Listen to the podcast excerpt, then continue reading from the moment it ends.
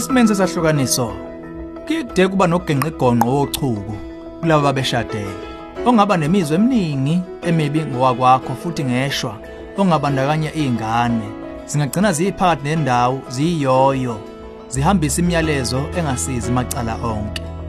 Sifuna ukukhuluma ngalenkela kayitheka khona la ohlelweni ezomndeni. Hlala ungasuki.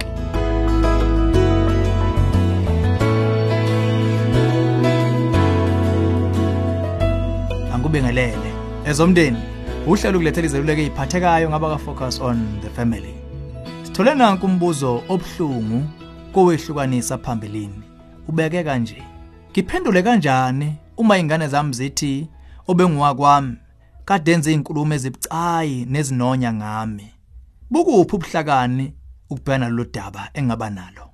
Nakuba inqomo zenkantolo eziningi ziyabanqabela abazali ukuhlasela ngamazwi labo ababeshade nabo phambi kweingane. Isinqumo senkantolo asiguquli nokho indlela yokuziphatha. Okusemqoka ukuqaphela ukuthi indlalo lodaba oseliyilo enkantolo ingoba selunzima. Isesigabeni la khona amagama angahuzula aletha ukulimala kwesidi isikhathi lesesingqondweni eyisencane nezingavunene nokwenzekile. Phambi kokwenza utho qala uthole kuqala ukuthi lo bengiwakwakho uwashilo ngempela yini lawo magama? Okuthi uwashilo. Sonke siyazi ingane ziyakwazi ukuyinika ihabi indaba futhi ziyinonge zona. Ikakhulukazi uma nazo zinemizwa ezinayo ngokwenzekayo kuyisenonina. Ngakho ungavese ugxumele ekusongeni udaba ungazwisanga kahle. Ulwazi ngobuqu bengane nowakwakho yindawo enhle ukuqala kuyo leyo ecuzeni lolu daba ngolwazi olutholile. Uma ufakazi bokunika iqholo ukuthi okushiyo kunhlanhlathile ayazi ingane yakho ukuthi uzolidingida ngqo nobengu kwakho lolo daba.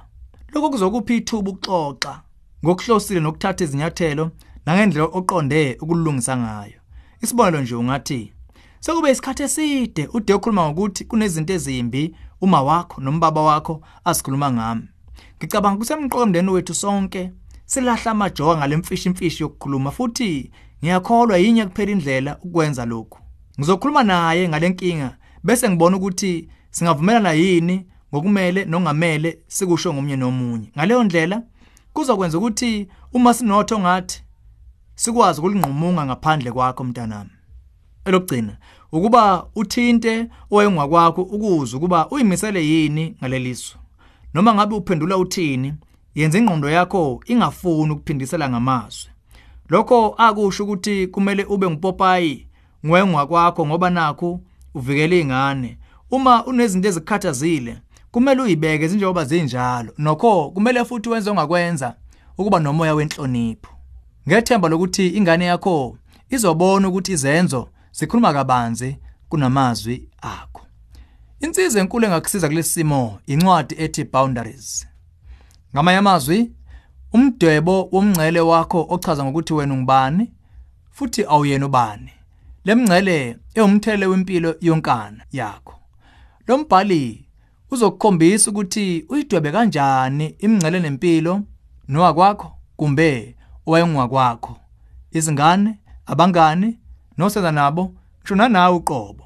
Ukufaka iorder sishayele ku-031 716 3300 kumbe uthi jeqe ekhasini lethu safamily.co.za manxa ufuna ukuthenga online.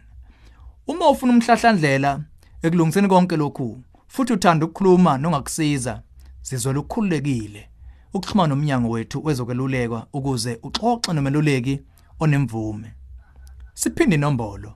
Ku-031 716 3300 ukhumbule ukuthi ukuthezisana ngokuhlaselana akuzukusiza simo sanhlobo. Kunalokho kuyobhinyela uparafini emlilweni. Yiba ngoqinile bese ubambela kuyinkambiso zakho. Lolu hlelo ezomndeni ulethulelwe yi-focus on the family sihlangabezwa ohlelweni oluzayo.